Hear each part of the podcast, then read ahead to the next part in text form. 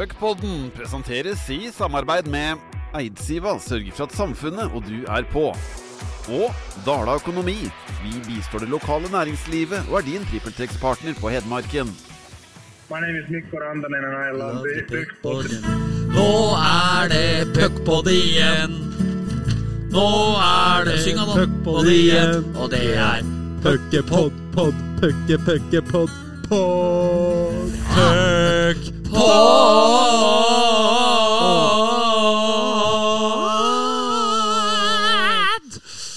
Ja, åh, for en innsats av eh, selveste monarken som eh, besøker oss oppe på skjenkerommet for de udødelige, altså vippene, Jepp. eh, her i CC Amfi. Velkommen, Andreas.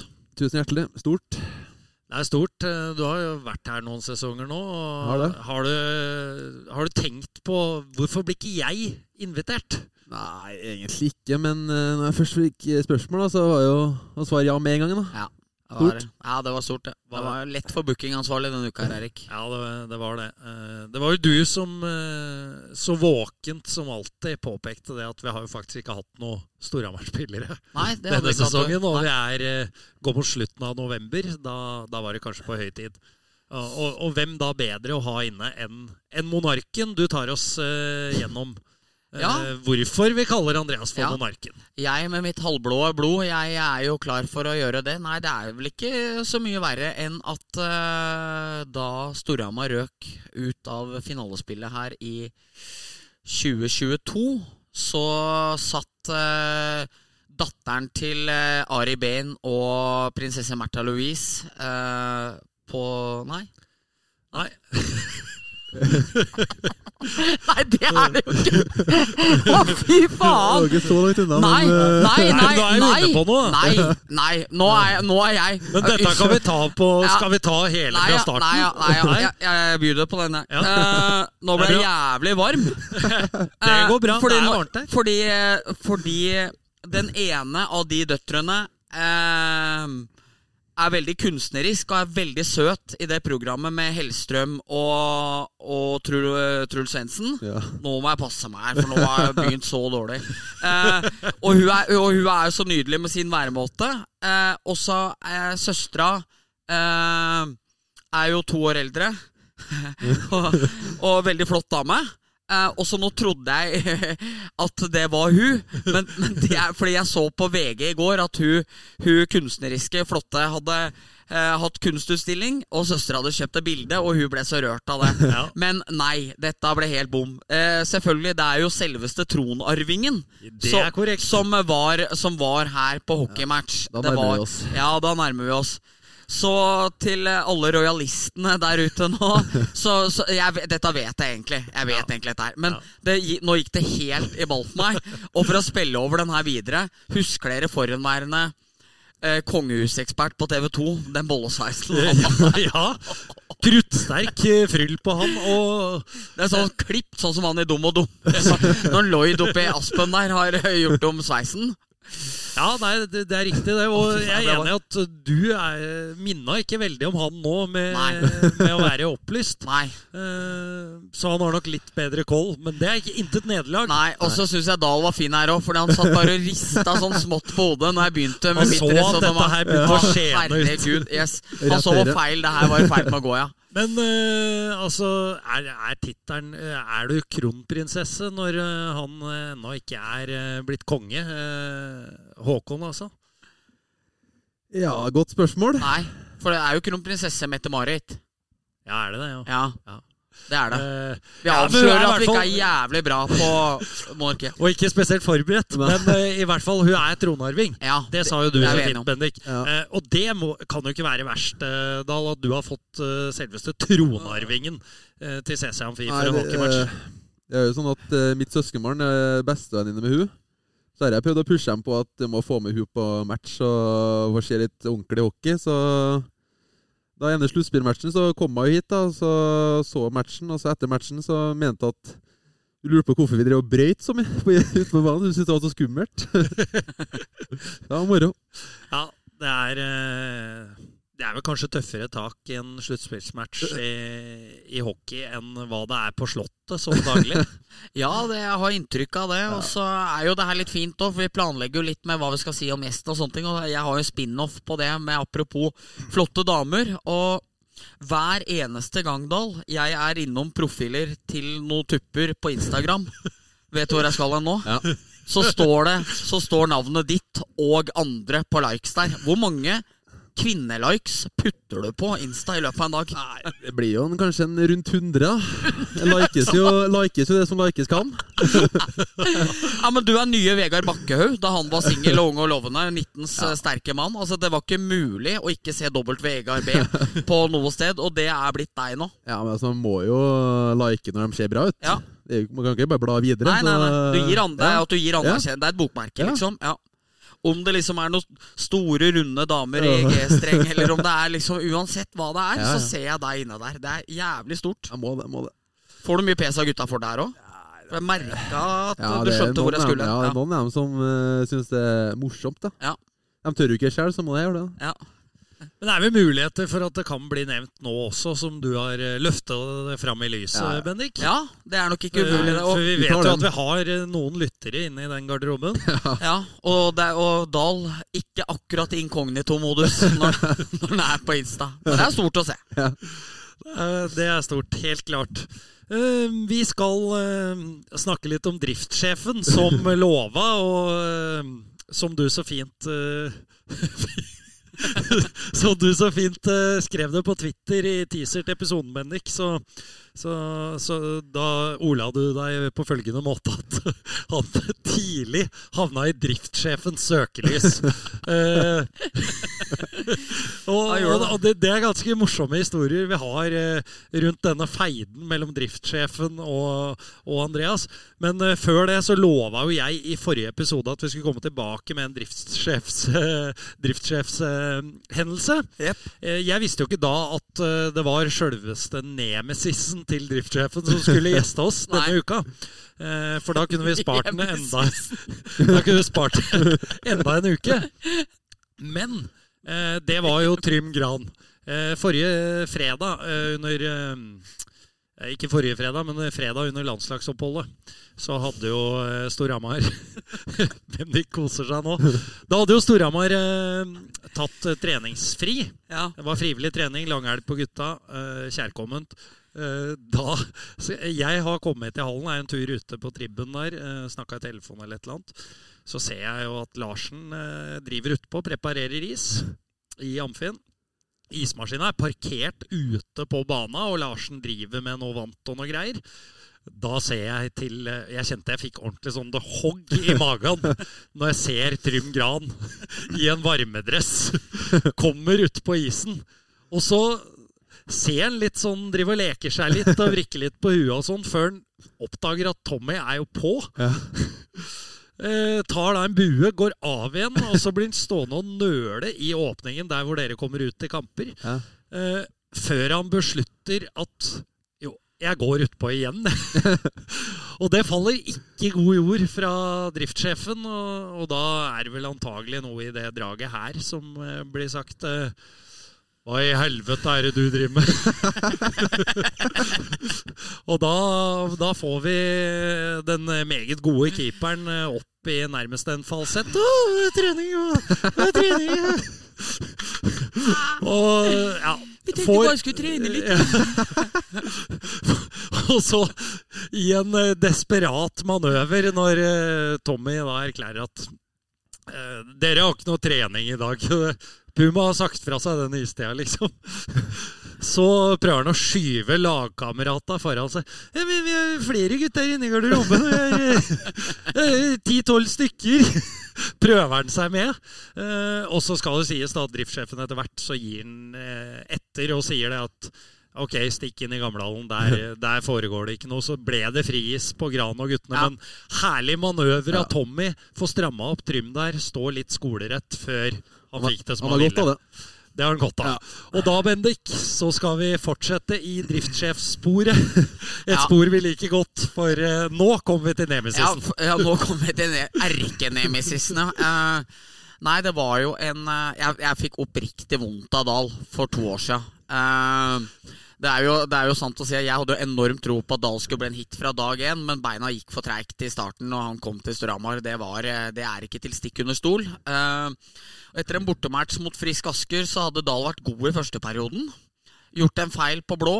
eh, ble straffa for det og fikk ikke spille med resten av kampen. I et åpenhjertig, litt unggutsaktig intervju med meg etterpå der, så er han jo åpen om det at Storhamar er ikke blitt det han helt trodde, og var ikke fornøyd med, med noe som helst. Var ikke fornøyd med tilværelsen. Var ikke fornøyd med tilværelsen på Hamar. Satte seg på bussen. Eh, eh, Supporterne var på lag med Øse. så Syns heller ikke at Dahl hadde noe å klage på. Der kommer vi tilbake til Hamar. Da har eh, Dahl parkert rett bak inngangen til ismaskina, der da driftssjefen har helt to lass med snø over bilen hans. Ja, og vi snakker ikke det klassiske pakke inn. Nei. Det er oppå. Jeg er oppå bilen, ja. Eh, og det er blitt eh, Det er sludd den kvelden, for det er, det er, så det er blitt is og fross. Ja, det, Og, og der står Dahl. Nybenka, ny, nyklagd på treneren, føler at verden butter imot. Så møter han nærmest bilen sin. Som om det, en, som om det ser ut som slottet i frost. Altså det er, det er liksom innglasert bak is, hele dritten. det var vel rundt også, tror jeg. Ja, var rundt da, ja. Så måtte Og- eh, få ut rundt først, og så aldri hørt Patrick Thoresen ha sympati med nesten noen, foruten litt Konst av Mekinen, men der husker jeg han sa liksom at da kjente han det sukka i magen på han, liksom, når, når han så bilen, og Dahl sto der nærmest med spett. Jeg måtte jo ha det. Jeg måtte inn i hallen og hente sånn For å, eh, kunne, for, å kunne, for, å kunne komme, for å kunne komme inn i sin egen bil. Nei, det var en uh, det Åssen var følelsen når du la deg den kvelden, all? Den tror jeg var fæl. det var godt å legge seg, men uh, tida før tok ganske lang tid. Ja, jeg sto her en 40 minutter tror jeg, for å få ut alt. Og ingen av gutta som blei noe hjelp deg, heller? Nei, alle dro. Ja, alle dro, ja. Så jeg sto her, ja, men eh, Ja, det var meg sjæl, da. ja. Da var gode råd dyre. Åh, Ja. Nei, det var Jeg tåler en melding. Jeg tåler den. Og så Ja. Det er rister jo av seg. Ja da. Det har du vist. Ja, det går fint. Det piller av. Men eh, det var jo en, eh, en eh, annen hendelse også Det var tidlig i på min karriere, eh, når jeg begynte å jobbe her, hvor jeg da kom eh, eh, Kom eh, på parkeringa her, og så står eh, Tommy Larsen eh, ute med, med pickupen sin og, og noen kroker. Og jeg ser, ser han står og vurderer. Jeg tror jeg har fortalt den før, kanskje, i en tidligere pod. hvor Tommy da også spør meg til råds om, om jeg tror det går greit å, å flytte den bilen da som står utafor uh, inngjerdinga. Selvfølgelig gjør han det. Uh, om, om han kunne flytte den eh, litt, om det skulle gå greit. Så jeg har ikke spesielt peiling på bil, så jeg sa det, det kan ikke hjelpe med, men eh, det går sikkert bra. Ja. Eh, og da var jo det din bil igjen. eh, Ja, det var en lånebil av meg. Jeg lånte fra Sverige. Og da blir den altså taua eh, midt i innkjøringa til hallene, så at alle som kommer eh, Altså, parkeringa di var idiotisk Ja. fra før, men da har altså bilen blitt flytta av driftssjefen til til midt i veien, så at folk tenker Så det sto André er Men det sto jo, det sto jo ja, navnet på bilen nå. For det, er det, for det er det jeg husker. Fordi når jeg kom kjørende inn, så måtte du nærmest liste deg inn med bilen. Og så sier jeg til deg når jeg kommer på kontoret ditt, så sier jeg Dala parkerer som en idiot utpå her. Og det er jo da du peker ut og sier Men se på de bremsespora og sånne ting. Det er Tommy som har satt bilen hans midt utpå her til spott og spe for alle som kommer ut. Ja, det Så det har gått en hard skole, Ja, skole det. i Hamardal. Det har det. Det du, altså. Det har blitt, det Blitt hardbygd, da. ja, det har det. Men er det, er det blitt bedring, eller eh, Ja, altså, vi hadde jo en situasjon her eh, med halloween for to Ja, uker det siden. jeg om. Det er så dumt, vet du. Ja. Vi hadde halloween-party med laget etter Vålerenga-matchen. Og så fikk vi streng beskjed om å ikke gå inn i hallen, Fordi da går alarmen. For dere var på Iskrua, som ja, er tilknytta ja. Storhamar ishall. Så der, eh, ja. Og litt utpå kvelden her, da tror jeg det var rundt klokka ett-halv to, så går nå jeg og Sverre, da, og vi ler av å være der. Det var jævlig mye sånn kjæresteri, og det var jo bare Så da gikk vi. Ja. Det var, ikke, det var ikke noe for Instadal. Nei, da, nei, det var ikke noe singel Dahl og Sverre, da. Så da, måtte vi, da gikk vi, og så glemte vi han noe i hallen. Og da Det er så, det er så dumt, vet du, men så tenkte vi sånn Er vi sikre på at den går, da, eller kødder de bare med oss? Og så står så, så skriver vi inn koden, åpner døra, så står vi liksom og bygger opp hverandre. Skal vi gå? Nei, nei, vi går. Nei, vi står, og så begynner vi å kaste inn sko. Altså, det er så dumt. Der jeg sier det Sverre, Sverre ta en fot inn, jeg sjekka, og Sverre ta en fot inn, rekker ikke å lande. Så, og da var bare Hva gjør vi nå? Så tok jeg en del, og så sprang vi bare. Så det var så dumt. Du. Så alle skjønte det også, for det var vi som hadde dratt, så vi fikk jo bare melding om at uh, Dahl og Sverre Kålhøv. Og 3800 kroner på deling, var det ikke det? Ja, det vet jeg faktisk ikke. Vi har ikke fått noe Ah, okay. Nei, Jeg hørte at det er summen dere skal dele. Ja, det er, eh, det er jo Man må betale for utrykning når eh, Men skulle dere på byen da og måtte innom og hente noe? vi Eller skulle Nei, ja, Inn i hallen skulle dere i hvert fall. Ja. Nei, vi skulle videre. Nei, så det er måtte jo være et råd til alle som eventuelt vurderer å, å gå inn i hallen hvis, ja. Hvis vaktmesteren har sagt at alarmen er på. Så er det lurt å ikke gjøre det. Men hvis det piper på en sko altså det, Som eh, det var eh, Det kunne ha bare gått inn med en gang. Altså Ja, det, Da er det ikke noe poeng å skulle liksom Ja. nei, det er godt spørsmål.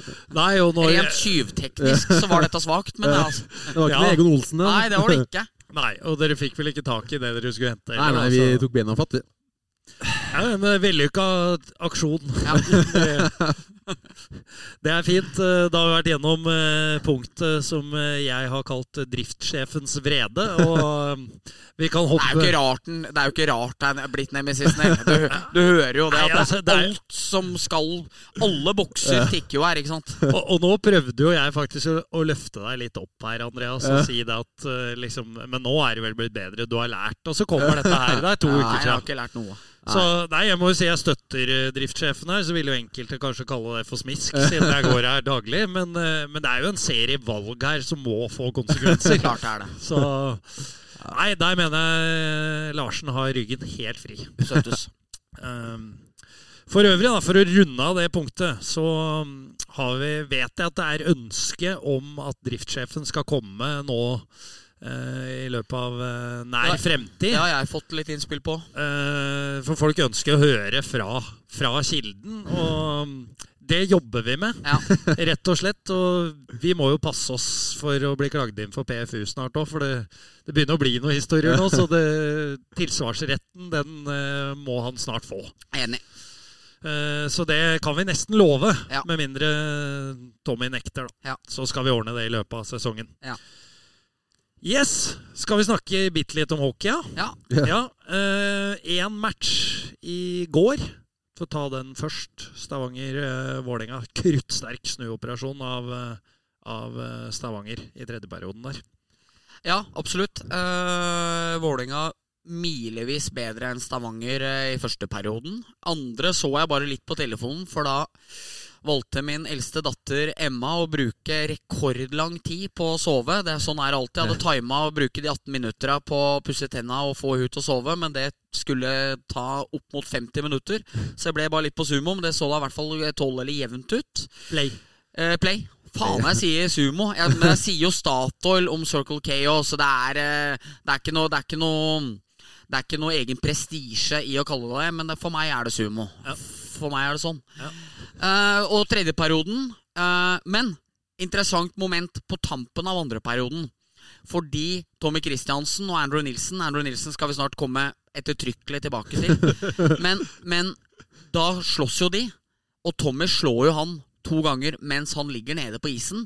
Jeg var helt sikker på, mens dommerne har brutt inn, jeg var helt sikker på at det kvalifiserte til dusjen. Og om det er fem pluss video eller fem pluss Hagenborg eller fem pluss etterpå eller fem pluss hva det er for noe, det veit jeg ikke. Men jeg trodde at han da skulle bli sendt av isen. Men det er jo et nøkkelmoment i kampen at han ikke blir det. For de to får jo hver sin, får bare hver sin to minutter, tror jeg. Og så kommer de jo ut på én, eller to pluss to, to pluss to, tror jeg det ble. Uh, men på 3-1 til Vålerenga så ser jo kampen helt kjørt ut. Men så scorer vel Det er Strandborg ikke sant, med det sinnssyke skuddet Ja. fra sida der. Riktig. Kan du si at Eh, kanskje noen NHL-keepere hadde fått skulderen høyt nok helt oppi der. Men det er et helt vanvittig treff, på en måte. Og et sånt ett av tusen, kanskje, at du klarer å dunke den Ja, sånn oppi der. det er jo så skrått òg. Ja, det er så skrått òg, så det er liksom sånn derre Stavanger må gjerne slå seg på brystet og uh, mer rundspilt, og det var 5-0. Vi gjorde som vi ville mot Vålerenga, og, og det, ble, det ble jævlig små til slutt, Vålerenga.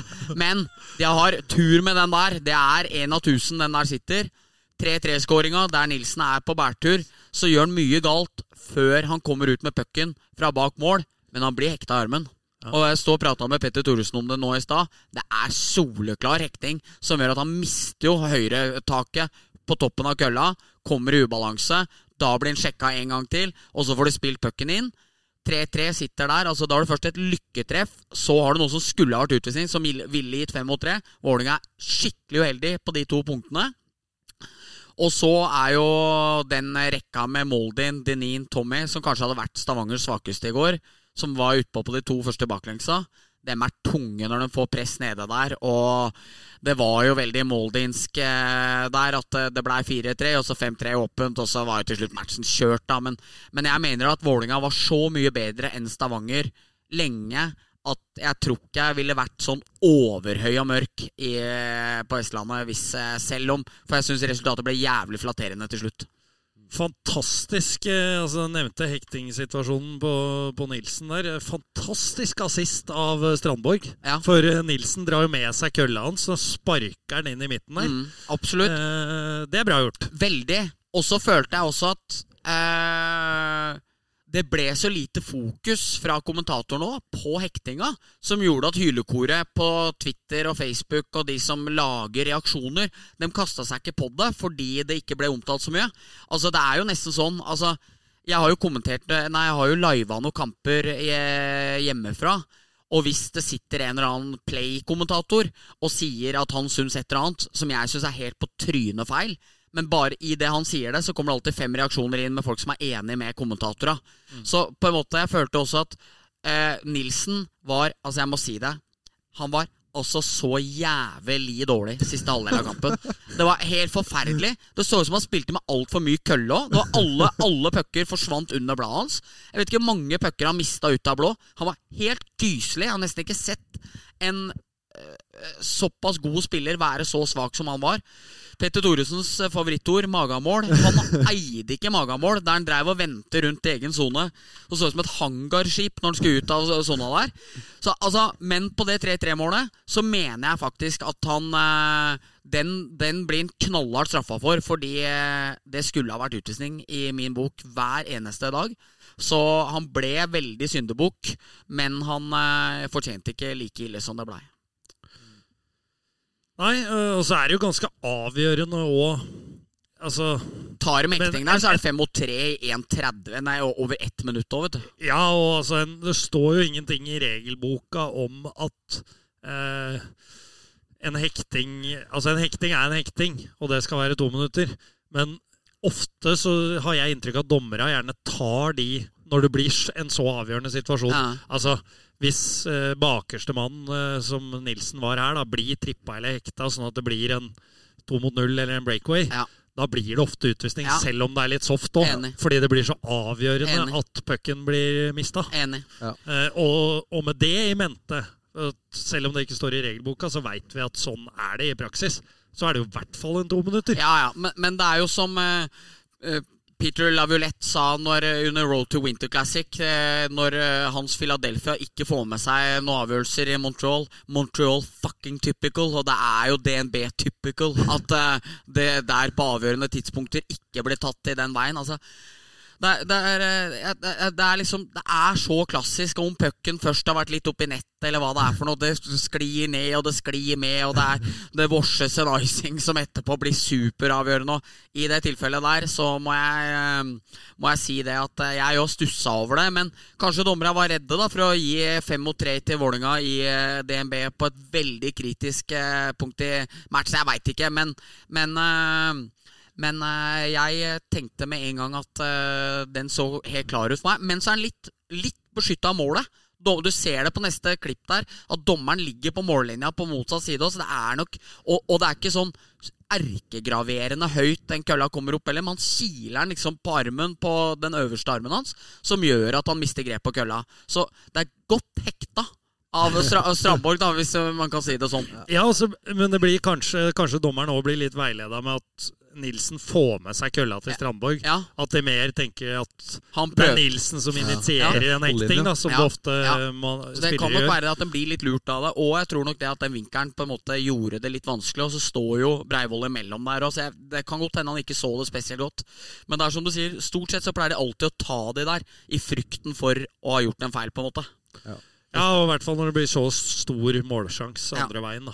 Eh, Dahl, du har jo spilt noen matcher i DNB Ja. Arena. Er det eh, Som spiller har man eh, altså den følelsen av at eh, alle omstendigheter er mot deg når du går utpå i DNB? Ja, Det er stor, det er ganske gøy å spille. Det er fryktelig bra trykk. Det beste som er DNB, er jo når det er igjen sånn rundt sånn åtte-ti minutter, og vi slår en icing, og så kommer det Oilers-trykket opp på tavla. Det. Da er trykk i DNB. Det, da vi, sitter vi bare og smiler alle sammen. for Det så, det er så gøy. Vi prater om det hver gang, og vi gleder oss til det trykket skal komme. Men eh, det er ikke noe feeling av at uh, dommere og Eller altså den type avgjørelser går mot dere? Jeg tenker egentlig ikke så mye over det når vi er i spillets gang, men eh, det er jo blitt noen situasjoner som har gått eh, deres gang, skal du si. Ja. Ja. Eh, Jørgensen hadde jo en fantastisk Ja. eh, rekonstruksjon av situasjonen fra var finalen i 22, det er vel? Ja, Ja. Med Even Bitenhouse der, når han lå nesten opp på restauranten når pucken rulla over streka. Ja. uh, skal vi Det er faktisk den sykeste situasjonen som har vært i norsk hockey nå. Altså Da må vi nesten glemme når han Asbjørnsen Det var jo selvfølgelig DNB, det òg. Fikk, fikk, fikk matchstraff for å ikke være borti han, eh, han Valdi her. Uh, den var ganske syk. Men nå, men når Bitenhouse nærmest lå nede i Vågen i Stavanger sentrum med målet oppå seg, eh, og, og dommerne mente at Solheim med hensikt gjørs på å sende Hoff inn i altså det, det, man, Den dag i dag, det der tror jeg fort, fortsatt ikke at det har skjedd. Liksom. Og da vi laga dette utpå her, den, Ja. meg og Markus Ja, du, Ja, det var det. du var jo Ja, med var- ja. i videoen, du. Du, du bare skater inn i Markus, han ligger i garnet, og så kommer Jørgensen og bare legger pucken opp et mål. Ja, den er så Ja, det sterk. Jeg husker ikke hva han skrev, men han drev og øvde på noe angrep Ja. til, eh, til neste finale. Ja, Det var stort. ja, den er enorm. Ja, den var, eh, det var ikke bra. Eh, Men siden sist vi var samla, så er det jo spilt flere matcher. Eh, Det ble jo seier på straffer mot uh, Frisk Asker, eh, Andreas. Og, og så tok dere, eh, jeg vil si, greit av stjernen på, på lørdag. Ja, det var første matchen mot Frisk. Det er egentlig Begge de to siste matchene har vært ganske grå, egentlig, for vår del. Vi har ikke fått det spillet vårt, eller uh, så mye Ja, fått det, det vi vil med det offensive. Og så, når de skårer ja, på enkle våre feil, så blir jo Ja, da blir det bare Ja, vanskelig å si. Ja. Men det er jo et litt eh, Nå ble det jo bare, bare sier jeg da, 2-0-seier i Warner mot Frisk Asker, borte. Ja. Eh, men det var en match som eh, hvor Asker var fryktelig tannløse. Ja. det er et litt annet Asker-lag som Ja, var, var- her nå på torsdag. Ja, de var mye piggere, og han nye backen så jævlig skummel ut, eller? Det var jo bare meg, han derre med skjegget. Eh, Dame Malka. Ja. Det var sånn skummel ut Ja. på isen. Men eh, ja, de, Ja. de så litt tøffere og litt eh, Skal si litt mer eh, retta mot mål ut. Ja.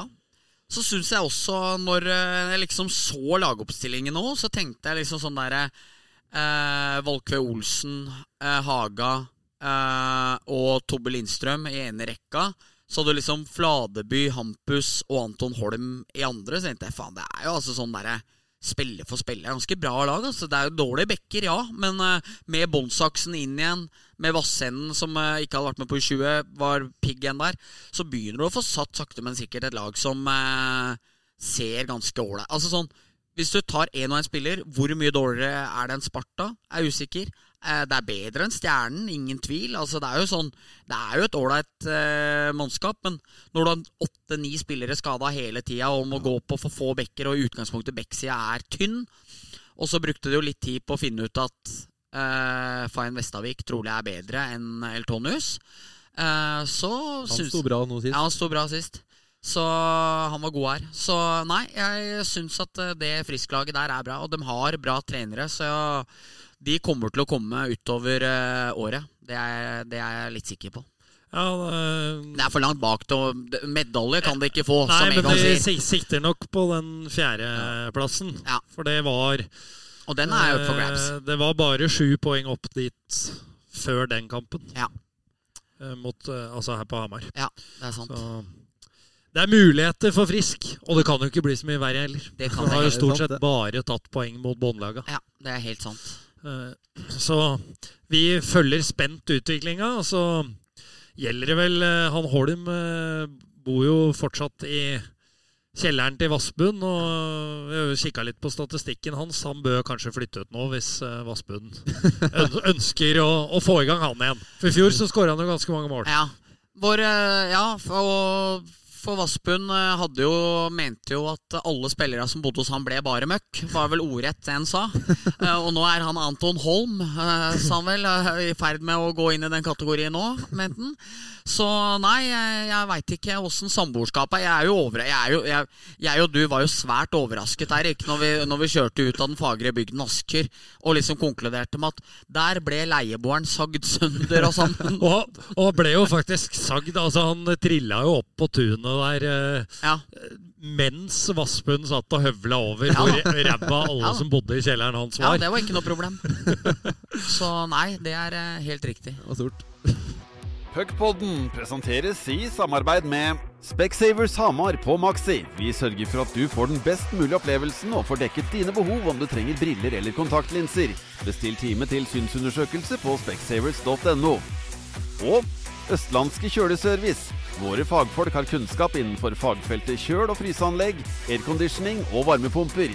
Se alt vi tilbyr på ostkjol.no.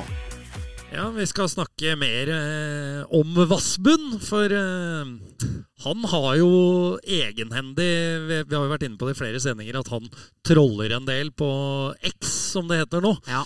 Eh, han har jo egenhendig rett og slett uh, jinxa, mana, antiman, har fått Viking ut av medaljekampen etter han starta kjøret.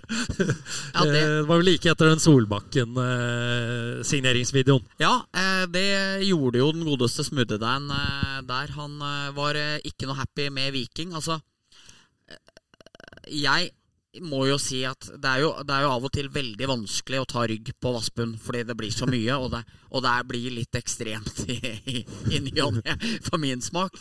Men det, at, men det at Vikings daglige leder hele tida drev og la ut sånn kjedelikt og kjedelikt, akkurat som man liksom hadde lagd et sånt narrativ om at å, det er så kjedelig, liksom. Altså, jeg tenkte sånn Det, syder jo rundt Viking. Det er ingen som syns en dritt er kjedelig, men daglig leder hele tida skal si sånn Å, fotball er kjedelig. Akkurat sånn narrativ liksom om at å, det er så kjedelig. Uh, og jeg visste jo at Vassbund hadde begynt å fått det der kjedeligte-greia så langt opp i halsen at, uh, at han visste nesten ikke hvor han skulle gjøre av seg. Så, eh, så virka jo Vassbund misunnelig når han på en måte begynte å gå i krigen mot dem etter den Solbakkens eh, signeringsvideoen. Og da begynte jo alle sånn Da begynte jo Vikingfansen det, det, er ikke, det er ikke podden for å få nye venner i Stavanger, dette her, eh, merker jeg Johansen. Men, men, men akkurat i dag For vi pleier å si så mye pent om dem ellers. Men da var det jo sånn der, Å, Vespen er bare misunnelig. Stabæk er dritdårlig. Altså, det var bare drar på Nadderud, du, og hold kjeft. Altså, hold kjeft, sier du kanskje ikke. Og, og hold kjeften. Altså, det var liksom bare sånn. Men så jeg tror jo at Vassbund driter jo i Og du er opptatt av Flyr ikke mye opp på, opp på Asker sine matcher heller, tror jeg. Så, men, men som du sier, etter at, eh, etter at den piska til mot Viking der, så har det jo gått helt i brakk, liksom. Og 3-0 på, nei, 3-0 på Briskeby, det lar seg ikke høre for et lag som faktisk i skrivende stund har med seg et kamerateam rundt for å lage film om da gullet kom hjem til Stavanger i 2023.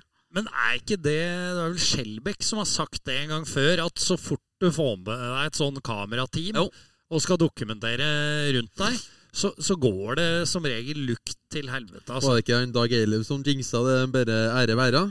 Første episode sa han det er nedrykks-TV her, eller? Sånn. Ja, nei, men det er, det er jo sånn. Altså, se Ja, for ære være er jo De er jo med rundt Ja, Vålerenga-fotball nå. som er drittdårlig. eh, Det har jo vært en forferdelig sesong i år. Ja. Iskrigerne gikk jo fra å stort sett ha litt vind i seila og vinne, til at folk ble profiler og slutta å være gode i hockey. Eh, så det er jo liksom eh, det er, Sunderland, Sunderland for ikke å snakke om. Ja, den Skal er vi- sterk, ass. Skal vi filme tilbake til PL der? Ja. Rett ned i er. Ja, den er så sterk, den.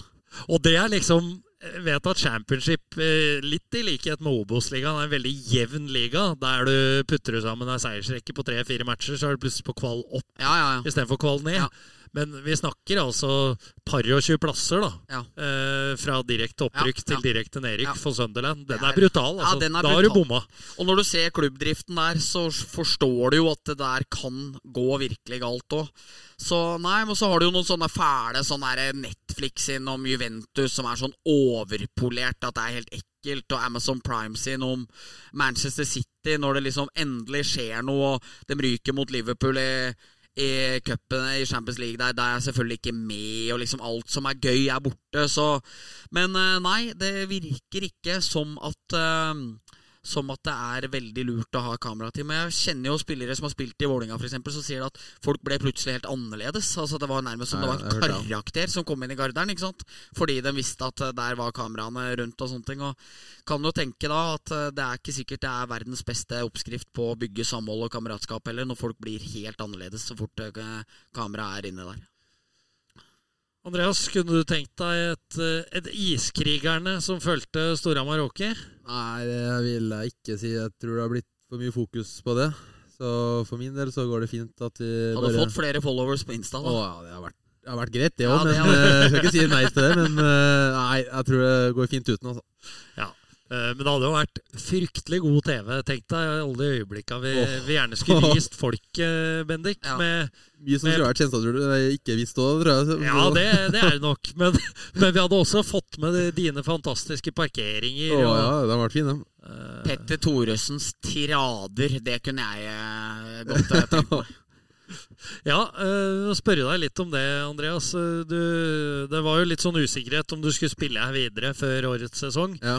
Eh, og, og når det blir klart at du skal spille her videre, så sier vel Petter til eh, Hamar Arbeiderblad at, eh, at eh, han hadde gitt deg beskjed om at han uh, dreit i hvor du hadde tenkt å spille hockey, men du måtte begynne å trene. Var det ikke det som var beskjeden? Jo, han sa det til meg ute på Atlungstad.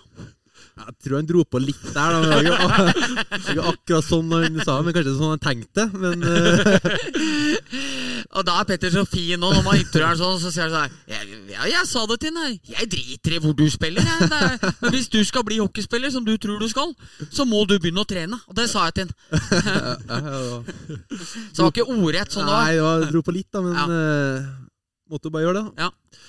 Men eh, du har eh, vi, vi kommer jo tilbake til det senere i sendinga, vet jeg. Men du har jo vært litt sånn ut og inn av laget. altså Det har vært variert hvor mye du har spilt gjennom åra her på Hamar. Eh, men så velger du å sette navnet på en ny, ny kontrakt da, eh, og gå på en ny sesong. Eh, bare interessert i å høre litt sånn hva i din alder, da, hva du tenker. Altså, Har du blitt lovt noe? Eh, tenker Nei. du at dette er det beste stedet å være? Jeg tenkte egentlig at eh, Jeg vet egentlig at jeg har ganske mye mer å gi her enn det jeg har fått vist til Storhamar-supporterne. Så det gikk egentlig bare en liten sånn faen i meg slutt, etter sluttspillet i fjor. At eh, jeg skal komme tilbake, jeg skal spille her, og jeg skal komme tilbake og jeg skal komme tilbake mye piggere og mye freshere og vise hva jeg egentlig kan. Ja, du gjorde jo eh, Nå tar jeg deg fra toppen av huet, men 17-18 poeng i fjor eh, i grunnserien. Og spilte nesten ikke Powerplay, og stort sett i tredje og fjerde rekka, Bendik. Mm. Det er ikke verst tall. Nei, og så også- var det vel ikke bare poeng mot Gryner og Nei, altså, eh, nei, og så hadde jo vist i sluttspillet før om du har jo vært uheldig med å ha vært skada på viktige, eller på kritiske tidspunkter eh, begge steder. Men eh, f.eks. i kvartfinaleserien mot Vålinga året før, når du skårte på den berømte wraparounden og kasta deg ned på knærne der og sånne ting. Men jeg må jo si jeg hyller det at Og jeg syns jo det er tøft å gå løs på en sesong eh, til her. Det er lett å tenke at å, jeg fortjener større posisjon, og da må jeg ned til til Stjernen eller Lillehammer, eller der man får en større stjerne og sånne ting. Men jeg har tenkt på mange ganger, Nå har jo ikke Andreas sin klubbtilhørighet her, men liksom når jeg hører folk liksom sånn Jeg skal videre, skal på død og liv, for du skal få enda en posisjon, et eh, rekke, en rekke høyere opp. Men så er det sånn Ja vel, men kjemp i tredje- og rekka. Prøv å få så mye påplay-tid som mulig, og spill finaler, da. Vær med når sesongen er når det drar seg til. Sitta nede i Fredrikstad. Ja, du spilte litt mer Powerplay i november, og du spilte for 700-800 tilskuere. Altså, det, det spiller ingen rolle. Det, er, det har det ikke noe å si. Så det er liksom Jeg, jeg må si jeg beundrer de unggutta òg, som i egen liga tør å eh, bli der man er, og heller kjempe for posisjonen sin enn å på død og liv skulle til en presumptivt mindre klubb for å få en større posisjon fordi man sjøl syns man fortjener det. Man får stort sett nesten alltid som fortjent, nesten alle steder. For mange av de som gjør det der òg, dem ramler ned hierarkiet utover de som har blitt lovt jævla mye. ikke sant? Eh, men eh, et aspekt her, da. eh, som alltid så har jo du en del fornuftig å komme til bord med, Bendik. Men du har jo det hvis du er ung og ønsker deg videre, altså har ambisjoner utover det å spille i EOL, da. Ja. Så er det jo en nøkkel antagelig å ikke spille fjerderekke i for mange år. Jeg, jeg, veldig enig. Eh, Og, også, og det er litt derfor jeg spør også, fordi du, er ikke, du er ikke gammel. Nei. Nei, men er, men er det ikke også litt sånn at Tenker jeg da, Litt apropos magamål. Hvis du tenker, hvis du er 21 år gammel, som du er nå Ja. Hvis du da tenker at du skal til sikt eh, På sikt så håper du å kunne komme til Tyskland eller Østerrike eller eh, jeg vet ikke Altså SHL kanskje òg. Altså, men jeg tenker at hvis du da er 21 år og er i Norges beste hockeylag med alle muligheter til å være god. Hvis du ikke er i posisjon til å være i nærheten av å spille Powerplay eller spille de tre første rekkene, så må vi også gjøre noe kanskje med ambisjonsmålet også, på en måte. For det er ikke så jævlig ofte, tror jeg, at 21-åringer går til Stjernen får stor posisjon der og havner rett ut i, i større ligaer heller. Altså, Nå bruker jeg Stjernen mye, eller Lillehammer eller Sparta, eller hvor, hvor det måtte være. Så jeg tror jo veldig ofte det at man på en måte må stikke fingeren i jorda og erkjenne overfor seg selv så god er cirka jeg. Hvis jeg ikke spiller Powerplay i Storhamar, så har jeg kanskje ikke så mye Østerrike å gjøre heller, liksom. Så jeg på en måte skjønner veldig godt eh, spørsmålet, eh, og er veldig enig i det. Men jeg tror veldig mange unge hockeyspillere altfor ofte har for høye ambisjoner for seg selv i forhold til de kvalitetene de faktisk besitter. Ja, det er godt uh, svart. Og så må jeg understreke det, Andreas, at uh, nå har jo du vært i Powerplay uh, stort sett hver match, hvis ikke hver match, Ja. denne sesongen. Så jeg mener på ingen måte at det har vært et galt valg. Men interessant. Ja. Men, Syns jeg, i hvert fall. Ja, jeg òg. Du har jo vært i Powerplay så fremt jeg husker i hver eneste match frem til nå. Ja. I morgen mot Lillehammer er du ikke. Er det en revansjelysten Andreas Dahl vi ser i Eidsiva Arena den, den kvelden denne episoden kommer ut? Ja, det blir det. Blir det. Blir litt, uh, må fyre opp litt, da. Ja. Så, ja, det er kjedelig å ikke få være med nå, men uh, ja, bare krige på, så satser vi på neste match. Det er det, og 31 det siste powerplayet har gitt én scoring i 5 mot 3 og én i 5 mot 4. Så Ja. sånn sett så var det vel uh, Noen grep måtte gjøres nå. Sant det. Så det Bendik prøver å si, det er at det er din skyld. Nei da. Vi kommer vel tilbake til Powerplay igjen når vi skal ha de faste spaltene etter hvert også, til, har jeg hørt rykter om. Ja, Så, så får vi se om det om, om man våger. Ja, man tør, ja. ja. Det var jo et eh, Husker du det programmet? Våg og vinn. Nei. Gikk på TV3. Nei. Nei, da var det Altså, det, det var sånne dares, da. Ja. Det sinnssyke uh, daresa, de var fra det australske søsterprogrammet. Ok. Mens uh, Var det Jarl Goli, da, som fløy rundt på kjøpesenter? Og da var det sånn Hvis du klatrer opp der, så får du 1000 Ja, spenn. ja, ja, Sånn. ja, ja, ja. ja. Var ei dame som hoppa fra bjelkene i Vikingskipet ned på en tjukkas. Ja. 25 meter, for hun hadde så høydeskrekk. Ja. Ja, Det stemmer. var sånn opplegg. Ja. Og så var det sånn helt ville ting med slanger og Ja, sånn. det var det, var fra Australia, ja, tror jeg. Ja. Eh, dette er du for ung Ja, til å huske. jeg, var jeg Jeg mener. Nils Ole Oftebro òg sprada rundt en sånn liten speedo nede i- Australia der og intervjua og, og drepa. Eller er jeg på bærtur? Jeg vet Ja, at det var første sesong i Robinson. Er ikke det jeg, Ja, det er ikke jeg det du blander- med? Nei, nei, jeg blander ikke der. Nei. For jeg kan min Robinson. Ja. Der var jo Christer Falk vant den første sesongen. Bjørn Erik Poppe Thorsen kom langt. Vålinga-fan, har jeg sett på Ja. Twitter. Ja. Erik Espeseth ikke veldig populær på Valle, var jo også med. Uh, også, Fantastisk sesong. ja, og så var det en jævel som nesten ikke hadde fingre, som var helt enorm. Med, Ja. do, med noe dobbeltnavn. Han kunne alt. Han heter Ole et eller annet, og han har det Fylla-programmet Ja, på NRK. Ja, stemmer. Han var også med. Eh, men da, da var det ikke han jeg mente. Jeg mente, jeg mente han som var best på alt. Ja, han, uh, han- Jon Olav, var Jon det Olav het han. Og, og så hadde han skåret seg. Og så, og, så var det, og så skulle de ha kokosnøttbowling. Så hadde han kutt på alle fingra, så måtte kaste uten av fingra inni de hulla. Nå hørtes uh, sa brura. Eh, men men, men, men eh, kasta de kokosnøttene. Altså, fordi Christer Falk og gjengen skulle jo ha ut han. Det var jo på en måte For hvis du kom til finale mot han, så var du screwed, liksom.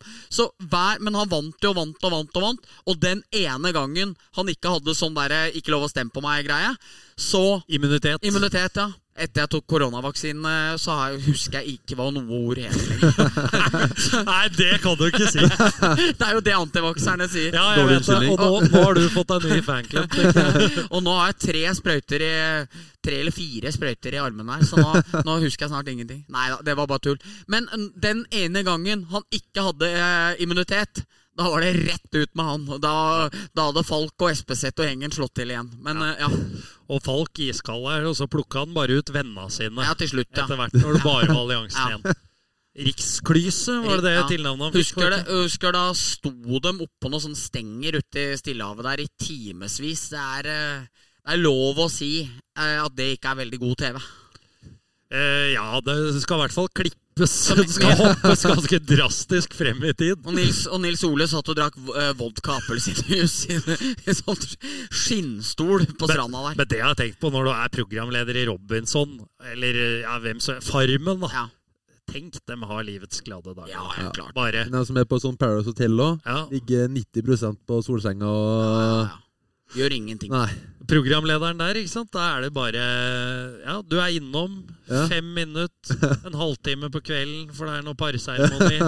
Uh, og så er det tilbake på hotell. Så er det ferie. Godt i glasset, Ja. ferie, Kjenner- betalt ferie. Kjenner godt og Tror Triana får timene sine på senga, solsenga der, liksom. Det. Det går fint, det. Det var en digresjon! Yes. Eh, En reality-digresjon. Ja. Men det er noe av det bedre vi har òg. 2001-sesongen, eller nei, 99 tror jeg det var. Ja, det var 99. ses- 99 første sesongen med Robinson. Eh, Det er ganske Jeg sikkert Jeg så riktig. opp igjen det. Det Ja, for det ble lagt ut på Viaplay ja, er... i forbindelse med jubileum. Borte igjen nå. Ja, nå er det borte igjen, ja. ja. For det var i 2009 jeg så det. Ti år siden. Og da husker jeg så hver eppa, og da hadde jeg jo glemt litt hvem som røk og sånne ting. Det var, eh, ja, det var store greier. Prøvde å se Robinson prøvde seg jo i fjor, eller for to år siden.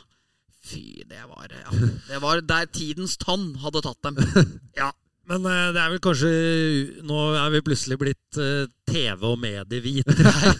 Men det er, vel, det er vel kanskje problemet med en del av dagens reality var at den gangen så var det nytt og spennende, og så folk meldte seg på nettopp av den grunn. Ja.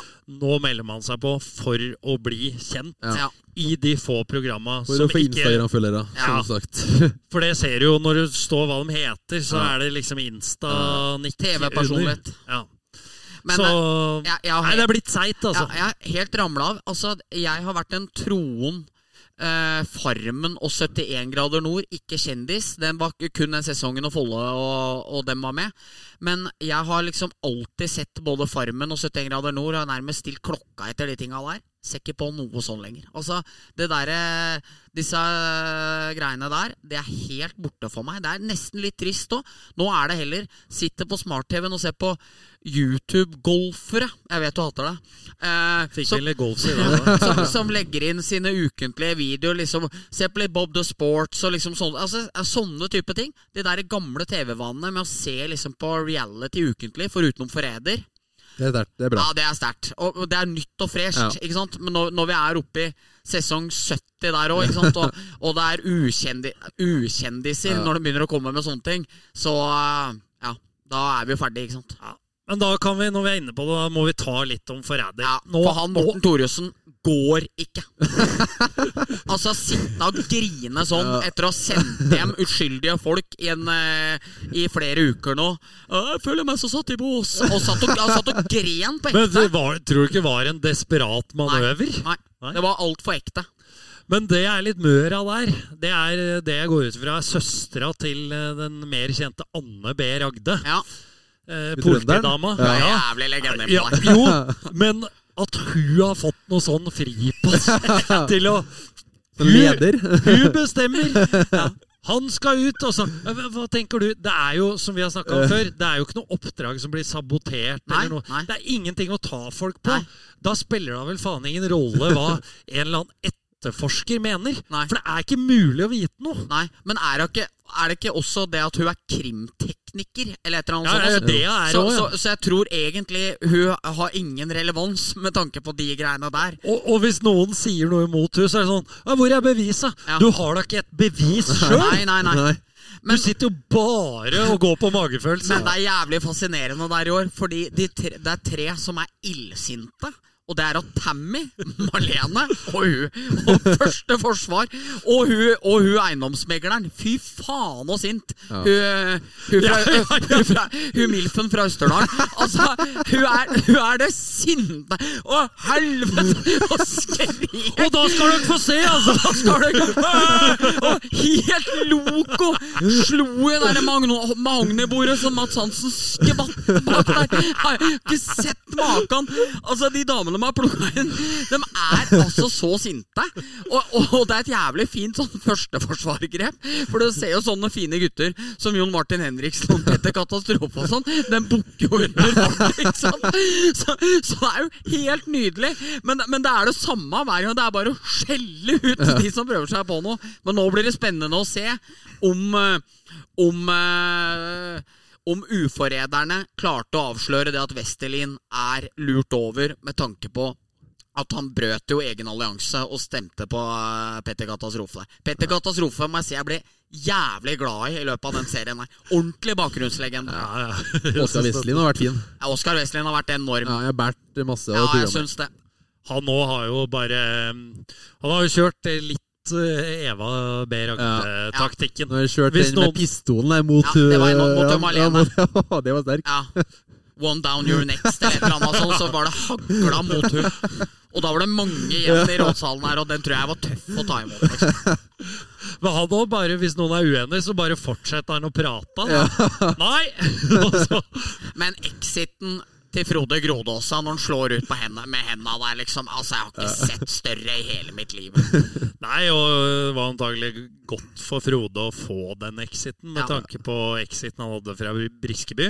Ja, De som ikke har sett den, det anbefaler vi å Absolutt. søke på YouTube. Det var mer verdig den gangen her, ja. Og jeg er jo selvfølgelig lojal. Og så bare slår han henda ut der, liksom. Takk for meg. Ja, det var noe helt annet enn ei ulykke. Kjem sjelden aleine. Rett på ræva i- på ryggen utafor Briskeby.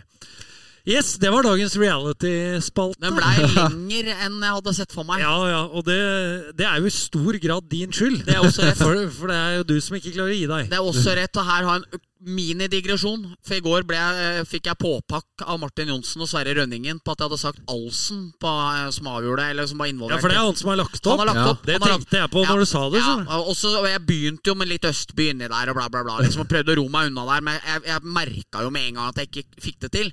Og så sier liksom Martin at det er feil, og liksom gliser meg opp i trynet. Og så sa jeg at men når du prater 45-50 minutter av 60 minutter hver onsdag, så blir det noen feil. Så det, altså, det må jeg bare det, det må vi bare leve med. Så, så når du prater i et hakkande Altså, tenk den der Ari Behn-greia og Märtha og ungen i dag, liksom. Så blir jo den der Alsen bare småtteri for. Det, det blir det. Det gjør det. Men eh, det betyr jo òg at Martin Johnsen eh, ved neste feilpass eller glippemann Ja, ja. Kan regne med å måtte stå relativt skolerett i ringside-sendinga. For uh, han aksepterer jo ikke feil, det har han jo nå Det helt sagt. Så det gleder vi oss til. Siden Martin ikke aksepterer det. Ja. Så det gleder vi oss til å høre hva han tenker om det. Andreas, vi må snakke litt om eh, opphavet. Nå er det jo blitt mye av De glade gutter i monitor, og du har jo for så vidt absolutt sklidd inn i Den glade trio i dag. Men uh, du er jo fra Trondheim. Du er sønn av uh, TIK-legenden, må vi si. Uh, Mortis Dahl. Ja. Så vi hører gjerne om hvordan det, er å, hvordan det har vært å vokse opp i en sånn hockeyfamilie. Nei, det har jo gått hockey fra jeg var Med en gang jeg kom ut fra mutter'n, så var jo hockey med en gang. Og. Så alt egentlig handler om hockey, og det syns jeg egentlig Jeg digger hockey, så det er jo det beste jeg vet å gjøre. Så har ikke sagt nei til det. Uh, du er ikke helt typisk uh, Altså, uh, din far var jo en eh, meget bra spiller, men var jo også kjent for å trøkke til eh, litt. Er vel et eh, er vel et godt bilde på trønderrocken og hva, hva trønderne er stolte av når de tenker på TIK og, og Rosenborg og nå Nidaros. Eh, Men du er jo ikke helt der. Nei, eh, litt, litt softere enn eh, den tida der. Jeg ser litt, jeg litt på sånne TIC-matcher på YouTube, og sånn, og det er jo taklinger og hodetaklinger og knetaklinger i hytt og gevær. Altså, det var andre tider før. Ja. Ja, det var jo Vi må jo kunne si det nå at det, ofte var det jo et griselag. Ja. Å komme opp til Leangen back in the days, det det var, altså Der måtte du, fikk du med deg noen poeng, så var det hyggelig. Men hjalp, hjalp det nesten å komme hjem med helsa i behold òg, altså. Nei, ambulansen sto klar. Det var, den skulle rett på St. Olavs. Et eller annet uskyldig offer var det som ble med, ja. Nei, men det er du og Dag Morten er de finspillende, gode guttene som eh, ikke har alt dette griseriet i det. Ja, for Stokkvik eh, var jo også en tekniker av rang, men han hadde jo masse Han, han har en del på rullebladet Ja. sånn i, i hockeysammenheng. Absolutt. Det var litt griseri han, faktisk. Men hva er det Altså, hvor, hvorfor er det sånn? Eh, oppe i Trondheim er det bare en sånn stolthet med, med trønderrocken, liksom, at sånn holder vi på. Det er jo selvfølgelig var jo verre før, som du sier. Ja. Spillet har jo forandra seg også. Jeg vet Men, egentlig eh, ikke hvor det kommer fra. Så det, det var sikkert for at de mangla litt på ferdigheter og måtte eh, bruke det til fysikken, da, sikkert. Ja. Men er det, blir det Som sagt, det er jo nye tider, men blir det på en måte Mitt inntrykk er at det nærmest blir litt sånn indoktrinert fra, fra starten av, da. Altså, Bendik, vi husker vi var jo der og spilte mot ganske svake Rosenborg juniorlag. Men der oppe så ble det jo lagt igjen poeng. Ja. Lag vi tok oss meget greit av hjemme. Ja. Det å komme opp til Leangen eller Dalgård, det var tøft. altså Nesten uansett hva, hva Ja. de kom med Ja, på det juniorlaget. Og Absolutt. det var jo tilsvarende i Eliteserien. Jeg husker at det var så jævla kult da vi spilte i Dalgård òg, for det er så liten hall at det føles nesten fullt når du er der og spiller juniorkamper. Liksom, så får du sånn følelsen av at du spiller i en sånn kul college-hall òg. Men eh, nei, der var jo Det virka som at fedra i hallen og mødrene for så vidt òg satte vel så pris på at en ble knetakla som om pucken lå i mål. Så- En lå ned, så var Nei da, så ille var det ikke. Men, nei, det, men det var jævla gøy å spille der, og det var entusiastisk og var tøft eh, med en gang. Men eh, er det ikke litt sånn da, at litt kulturer setter seg litt på de ytterstedene som er utafor Oslo-gryta, så er det på en måte andre idoler, andre eh, Ja, litt andre væremåter og sånne ting. Og kanskje så var det den litt tøffe kulturen som satte seg der. For har jo produsert fryktelig mange gode hockeyspillere òg, samtidig som også se Andreas Martinsen, på en måte, som er her nå. Han gikk jo sine Opp til han var 16 år, spilte han jo eh, i trønderhockey. Og for å si det sånn Han er litt mer trønderrock enn jeg. ja, det er, jeg, tror Philip, jeg tror Philip Gunnarsson syns ikke det var sånn mer enn middels å møte han her på lørdag, liksom. Nei, det er godt poeng. Det Det er tøffe spillere, ingen tvil om det. Ja. Eh, Men da, det starter ikke med powerpoint på U8, altså. At, eh, Nei, her skal det- vi være. Men nå er det blitt ganske mye roligere, og nå er nå er det faktisk ganske mye bra spillende lag der også, med Ja. U18-laget, som er eh, ganske bra. U16 er bra. Det er ganske mye bra nedover nå, Ja, faktisk. Det er gledelig. Eh, venter jo fortsatt på ny hall eh, Ja, der oppe i Midt-Norge. Det er jo kanskje på tide òg. Når var det Leangen ble bygd? Og det Det er et kvarter siden. Ja, det er lenge siden. Um, ja, nei, jeg har det ikke. Jeg husker det, men ikke noe lenger. Men, men for en fet hall, Ja, Leangen. Ja. Altså, det er Vi har jo snakka en del om Halden i Sally Ja. Podden i år, men eh, der snakker vi gladiator her Ja, hjemme, ja, altså. virkelig. Og jeg var jo der i fjor eh, da Norge spilte mot Latvia. mm. og det var fullt. Og det var, det var jævlig kult. Men jeg, jeg tenker at Leang, Leangen i seg selv er kanskje ikke verdens største problem, fordi eh, det er en hall som tar 3000, opp mot 3000 tilskuere. Det er nok sjelden det vil komme jævlig mye mer folk enn det. Så liksom kapasitetsmessig og sånne ting. Men utfordringa er vel det at treningsarenaene blir f- Ja. for dårlige. Det er for gammelt, det er liksom umoderne rundt der. Og når du da på en måte har så mange ting som tilsier at du må gjøre noe grep uansett der, så er jeg jo helt enig i at eh, det er eh, absolutt på plass at eh, Trondheim får en ny og større og finere arena egentlig enn eh, hva de har i dag. Det er litt, mot, litt motstridende, det jeg egentlig begynte med, og det jeg endte med. Jeg drøfta litt. Men jeg mener altså at uh, på sikt så må de jo få det, men de trenger jo enda flere isflater. For det er jo Det det, er som altfor er mange lag. Ja, Det det er er alt for mange lag. Det er det som er hoved, hoved, hovedproblemet. Det er jo bare to all, sånn uh, allboys-liga som ja. spiller i samme hall. Ja. Og du skjønner jo det, da blir det jo ganske mange lag som Ja. eh, skal inn, og det er jo, det er jo så mye serier der, så det Ja, det trenger i hvert fall én, kanskje to. Ja. Ingen tvil. Ja. Men har dere sett ute på Høllanda, den der eh, Det isen er her? helt klasse. Altså, det er jo verdensklasse, liksom. Det er uh, ute i Nørstebø og Dag Morten Ja, ja. Eh, land der. Uh, ja, det er fantastisk. Altså, det er uh, Nor Det er Norges vakreste isflate. Ja, den er helt nydelig. Jeg spilte der mange ganger, faktisk, da jeg var mindre. Og, Leik. Ja, leik, ja. Ja. De var litt mer trønderrock Ja, det kan fortsatt, tenke meg. faktisk. Det kan jeg tenke meg. sånn mista en tann da jeg var tolv, og ja. ja, det var mye De var svære òg, for Ja, å si det sånn. De er ofte, det er kraftfôr utpå Ja. der. Det er, og der er det jo Der, der heter det i fotball ute på Høllanda der, så heter det Høllanda-pol. Og det er jo kli, Du tupper bare ballen fremover, og du bare skal i lengderetning. Det er ikke noe innside, det er ikke noe Og det er ikke noe liggende, liksom. Det er ikke noe liggende rist. Det er bare å tuppe den opp og løpe etter. Så nei, det er fint. Ja, da, så, men det vi lander på, da, er at uh, Dag Morten Ven han har jo ordna poeng. Og nå trenger vi Peng. Peng. Ja, Ja. Vi gjør det. den var fin her. Trondheim Ja. kommune. Ja. Vi trenger peng. Ja. Andreas, du er jo ganske flink til å spille hockey, men eh, enda bedre er du til å løpe sånn mellomdistanse, og da ganske raskt. Vi har fått inn et lyttespørsmål fra Sander Wold Engebråten, som ønsker at du skal fortelle lytterne om eh, den gangen du satt ny pers på 3000 meter. Når du løp alene noen timer etter at laget hadde testa. Ja, det var jo sånn at uh, At Det, var det høres troverdig ut. Ja, ja, klart det det. det faktisk. det. Når du attpåtil ikke er god til å løpe, ja. Nei, jeg var, jeg var sjuk dagen før og hadde ikke sovet den natta, så jeg møtte ikke opp på den når vi skulle springe 3000. Hvem var trener da? Det var Petter, ja. han her, ja. Ja. Ja, Var det i år eller Det var i fjor? år. Det var i år, ja. år, ja. Ja. Så, Så etter den sommeren du skulle skjerpe deg, Ja. liksom? Når du har signert ny ja, kontrakt? ja. Og så, sånn, ja. Og så, men jeg følte meg ja. Ja. Så følte jeg meg mye bedre utover dagen. Da. Så dro jeg meg ut og prøvde å springe litt. Da. Så, så gikk jo det rett. Så følte jeg meg pigg òg. Så faen, ser jo bra ut når jeg sprang. Og så, altså jeg kan si såpass at tida var ikke bra, Nei. men uh, tida var bedre enn det jeg sprang i før. Ja. Så sa jeg til noen gutter, og ingen som trodde på selvfølgelig. Altså, Hva var tida? ikke Ja, såpass, ja.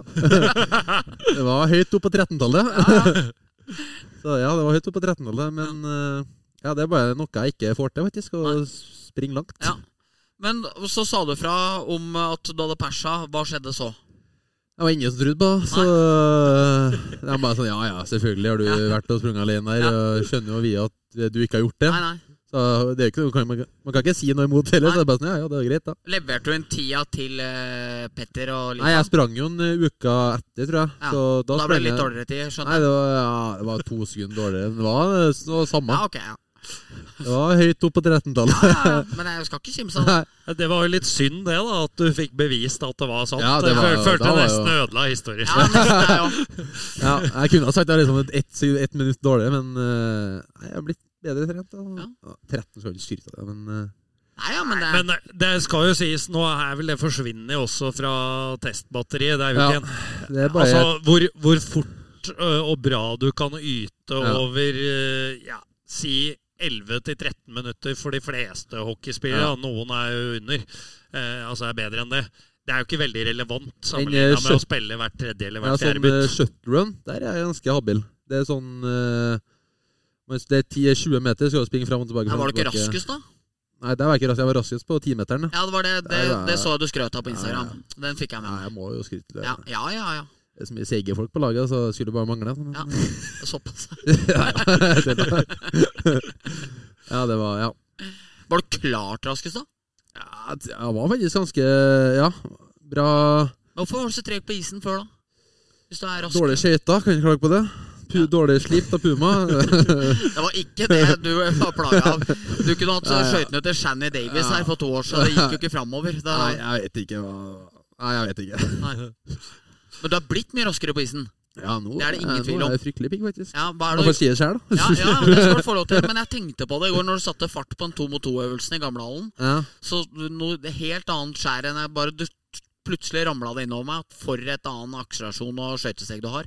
Hva er det du har gjort da som gjør at du Jeg har jo trent noe jæklig i sommer, da. Ja. Med fattern. Litt sånn gammel trønderhockeytrening. ja, og For han nå syns at vi måtte få ja, pedalsnittet ja, litt. Han uh, får passe påskrevet der, ja. Ja, om han ikke Om han ser litt dårlig trent ut, så Ja. får man høre det. Ja. Så da har jeg jo bare trent uh, ganske masse. Så Ja. bare det som hjelper. Det er bra. Ja. Funker med trening, vet du. Ja, det gjør det. det, gjør det. Og det er ikke verst. Ehm, vi nærmer oss jo slutten her, men eh, vi har snakka litt om eh, at, eh, at du er i celebre kretser, Dahl, med, med selveste tronarvingen. Men er, vel, er det riktig at uh, søstera di også er sammen med uh, Torbjørn Bergerud? Ja, Som, sant. Som jeg vet at uh, min gode makker her har et ja, nærmest lidenskapelig forhold til. Ja, det må jeg bare si. Uh, jeg har aldri brydd meg spesielt om håndball. Jeg syns at spillets idé forsvinner når du, ikke, når du driver med lagspill og ikke har offside. Fordi det er annenhver gang angrep-forsvar. Akkurat som i basketball. altså som Egon Olsen sier, penga betyr ikke noe, men det er kunsten å få tak i dem, som han sier til, da, sier til Data-Harry i, i nieren, ikke sant? Eh, og, og, det, og det er litt det da. hockey og fotball og de lagsportene jeg er mest glad i, handler om, er jo på en måte kunsten å komme til muligheter og skape noe, ikke sant? Det offensive, det sjanseskapende, ikke sant? Altså, Ivar Hoff der. Hoff der, ja. Ikke sant? Og det er jo det jeg mener, og jeg mener at håndball for meg blir litt i så måte bitte litt forenklende av at det er annenhver gang. Men så skal det jo sies at når man har fått noe litt godt i glassene, og den generasjonen Norge hadde der i 2017, som det her var, det var i Paris, eh, så blir jo håndball helt utrolig spennende fordi du vet at bommer du nå, dem scorer, vi er fucked. Eh, scorer vi, dem bommer. Det er fint, ikke sant? Og når du da kommer i den situasjonen som Norge gjorde mot Kroatia der, og Bergerud uh, redder straffe på 60 blank uh, Var søstera di sammen da? Nei. Nei. Så derfor er ikke det Men husker du øyeblikket? Ja, jeg satt og så på sjæl. så Ja. Altså, det var, det var sånn, jeg, jeg, jeg føler fortsatt at 1,5 million nordmenn At det går sånn drønn i hele landet. Oi, unnskyld. Eh, samtidig, for alle var oppe av stolen, liksom. ja. Det var, eh, det var fantastisk. Ja. Det er helt oppe der med når, når Northug stopper på streka i Kollen og Norge-Brasil. Altså, det, ja, det, det må jeg faktisk si. Og da har du også sørga for at uh, Bergerud nå er blitt uh, Storhamar-fan istedenfor Nidaros-fan, har du ikke det? Jo, han uh, følger med på egentlig alle matchene. Så han syns det er gøy å se. Vi har lært ham masse, så syns det er gøy. Det er uh, stas. Du, vi er jo blitt så kommersielle her at det er jo snart ikke noe igjen av den eh, glade guttepraten vi en gang hadde, Bendik. Det er nok Eh. noen som vil si nei om det. Men Ja, det var å ta i litt. Men eh, det er jo reklamesnutt både før og underveis i podden, og nå har jaggu meg våre overordnede pålagt undertegnede å lese opp sponsoren vi har ordna til de faste spaltene også, Bendik. mm, Så da begynner jeg bare med det. Så det hadde vært veldig fint hvis du kunne være stille. Yep. Skal jeg gå litt inn i bobla, da. Ja. Ukens blomsterkvast og ukas kaktus presenteres i samarbeid med Obos. Visste du at som Obos-medlem får du halv pris på K-feltet i Amfin? Da kan du jo ta med kjerringa og begge unga på kamp for 320 kroner. Da blir det mye penger til popkorn, si! Gå inn i Silappen og bestill. Halv pris der, altså. Ja, det var ikke verst levert, det. Ja, nei, det er faktisk- her skal vi få på jingle òg. Uh, ja, eh, vi skal ordne det, så jeg slipper å ta den live Hver gang. ja. uh, men det var en god start, Jeg synes du klarte det jævlig bra. Og kanskje er det en fremtid eh, som reklamemann også for eh, den rustne whiskystemmen fra Hamar vest. Hvem vet? Hvem vet? Men det er i hvert fall eh, ukens kaktus og kvast vi skal ha. Og da kan vi starte med deg, Bendik, på blomsterkvasten. Ja, eh, min eh, blomsterkvast eh, denne uken den går til den gode mann Tommy Søstermoen. ringte meg forrige fredag. Litt bekymra selvfølgelig når jeg så jeg hadde et ubesvart fra han. Fordi jeg er vel ikke landets mest populære mann blant dommere. Men så tok jeg mot til meg fem minutter seinere, ringte opp. Tommy da helt strålende fornøyd med De glade gutters podkast. Ønsker ønsker hyppigere podder enn én en gang i uka. Så Mente han ikke fikk nok av oss. Eh, men eh, poengterer noe veldig riktig da, fordi han ringer ikke på en sånn eh, 'nå skal jeg ta deg'-måte, men han sier at 'jeg hørte med interesse på podkasten der dere snakka om eh, var situasjonen på Jordal, eh, der du sier at det tar for lang tid. Eh, og Så sier Tommy jeg er helt enig med deg at det tar for lang tid, men de første to minuttene så får ikke eh, dommerne de bildene som går ut på TV. Det betyr at to av minuttene brukes jo før og nå skal jeg opplyse litt. Eh, gjør jo at de som sitter ute i produserbussen, de må sende det inn til eh, sekretariatet, som igjen må bruke bildene. De to første minuttene så har det kun rettighetene Nei, har de kun mulighet til å vise det hovedkamera og kamera over mål, som på Jordal f.eks. i den kampen ikke betydde noen verdens ting. Så klok av de flotte ord fra Thomas Østermoen, som er en fantastisk person. Eh, helt nydelig mann. Eh, så tenkte jeg at jeg skulle ta litt kritikk på eh, å kritisere tida det tar. Men det tar fortsatt for lang tid. Men jeg skjønner at det er problemet er mye større enn hos dommerne, som Tommy sier da. Helst skulle det selvfølgelig vært 90 sekunder, men da måtte alt vært sånn klart når man kom inn i sekretariatet, og det er det på ingen som helst måte. Så dette ble litt selvpisk, fordi jeg på en måte ikke er opplyst nok. Samtidig så er den store røde rosebuketten Den eh, leveres imaginært herfra til Tommy Søstem. Meget fortjent, og, og Tommy er jo med da sin bakgrunn som mange år, dommer i ligaen, så er han jo også autoritær ute i det sivile liv. Ja. Og han var jo fantastisk oppe på Knettsetra på Trysilsmellen 2022, når eh, Herman Huse, eh, stor mann for øvrig, Ja. fikk jo blomsterkvast for eh, eh, gjentagende romjulsfyll sammen med Simen Sveen i, fjor. Ja, ja. Eh, han eh, drev og dømte inn teknisk mål oppe på Knettsetra. Og drev med den bevegelsen. ja. Eh, dette ville ikke Tommy ha noe av. Sånn eh, vennlig bort til Herman og sier fra at du har for korte armer til å drive og dømme teknisk mål. Så da ble den godeste Herman Huse rett og slett fratatt teknisk mål-privilegiet. Ja. Får ikke lov å dømme inn. Nei. Arma er for korte. ja. Så sånn var det. Ja. Herlig mann, Tommy. Ja, herlig mann Tommy. Og Herman Huse fikk også kvast en gang for to år siden òg, når han ringte meg på vei ut på Atlongstad. Han så at jeg skulle spille golf, og varsla om at det var politikontroll på veien ut der. Eh, og den husker jeg ga han eh, ros for, da, for der, eh, der sto UP, der sto ACAB og venta rett ved, rett ved bilforhandleren der. Og, og da kunne de ikke ta papaen denne gangen. Så Herman Huse, en hedersmann. Og så absolutt. Eh, Andreas, da klarte Bendik på mirakuløst vis, vil jeg si, å dra inn ytterligere litt om golf. Så da med det gir jeg ordet til deg. Nei, den ville jeg faktisk gitt eh, håndballpublikum i Trondheim nå, i, med Trondheim Spektrum i spissen med Kolstad. Eh, satt og så på matchen nå sist mot eh, PSG hjemme i Trondheim Spektrum, og de peip i to ganger 30 minutter, og det PSG-laget ble bare mindre og mindre. De store stjernene ble bare mindre og mindre, og det var stort å se at et norsk publikum får til å skape sånn, skal vi si, sånn Tyskland-opplevelse. Så det var stort.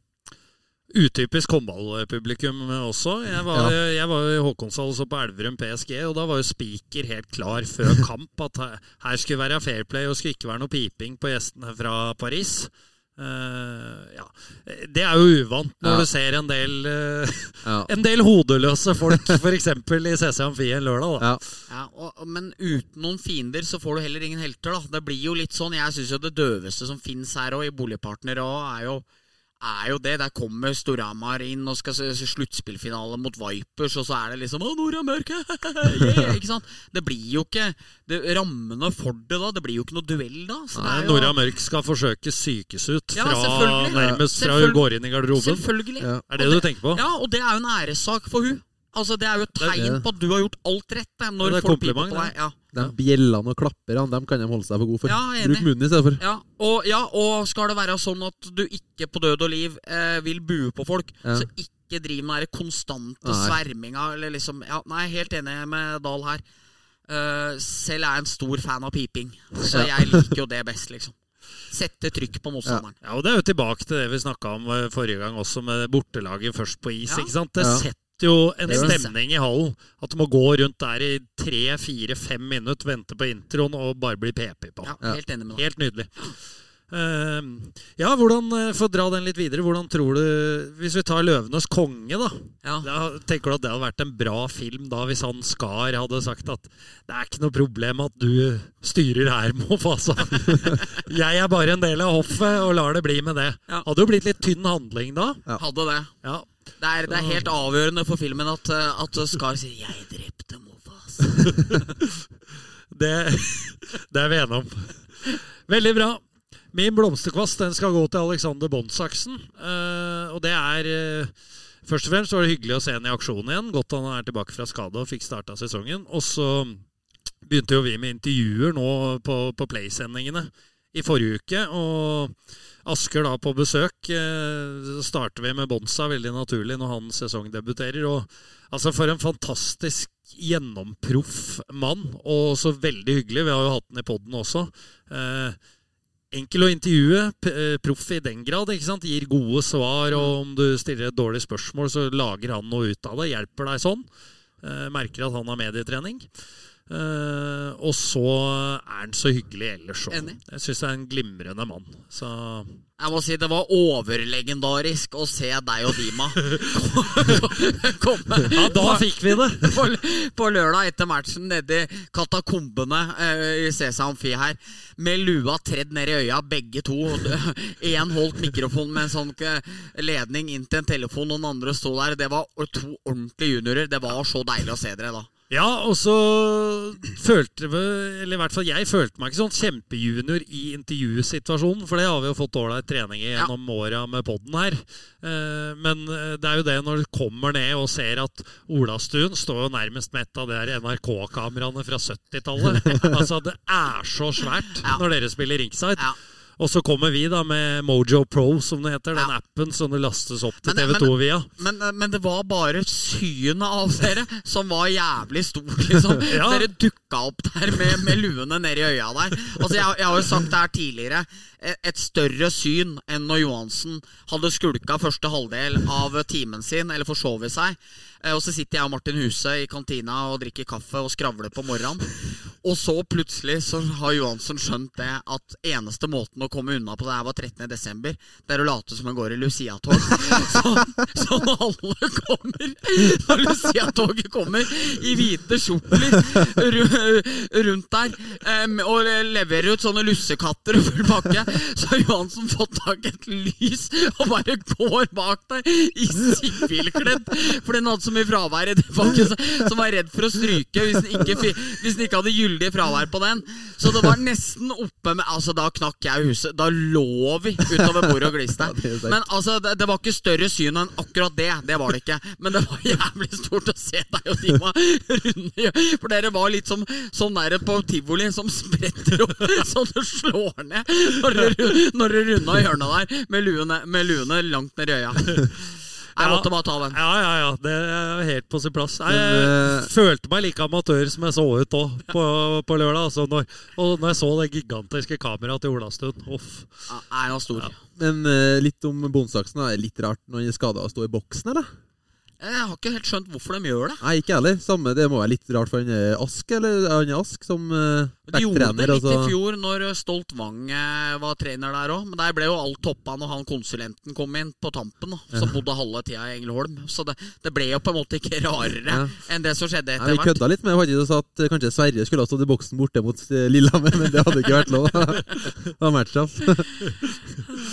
Ja, nei, det er klart det blir jo en uh, øh, Vi spurte jo for så vidt, eller jeg snakka med Monsaksen litt om det, og da sa han at, at det var ønske fra trenerteamet altså å få spillerperspektivet litt inn. Altså, så det er jo ikke så lenge siden Morten Ask ga seg, men ja. øh, rett og slett det. Eh, så vil jeg tro, det sa ikke Monsaksen om, men jeg vil tro at det var eh, Det blir jo en form for rollekonflikt. Altså du skal stå være trener for en antar jeg at han ikke bestemte hvem som skulle utpå.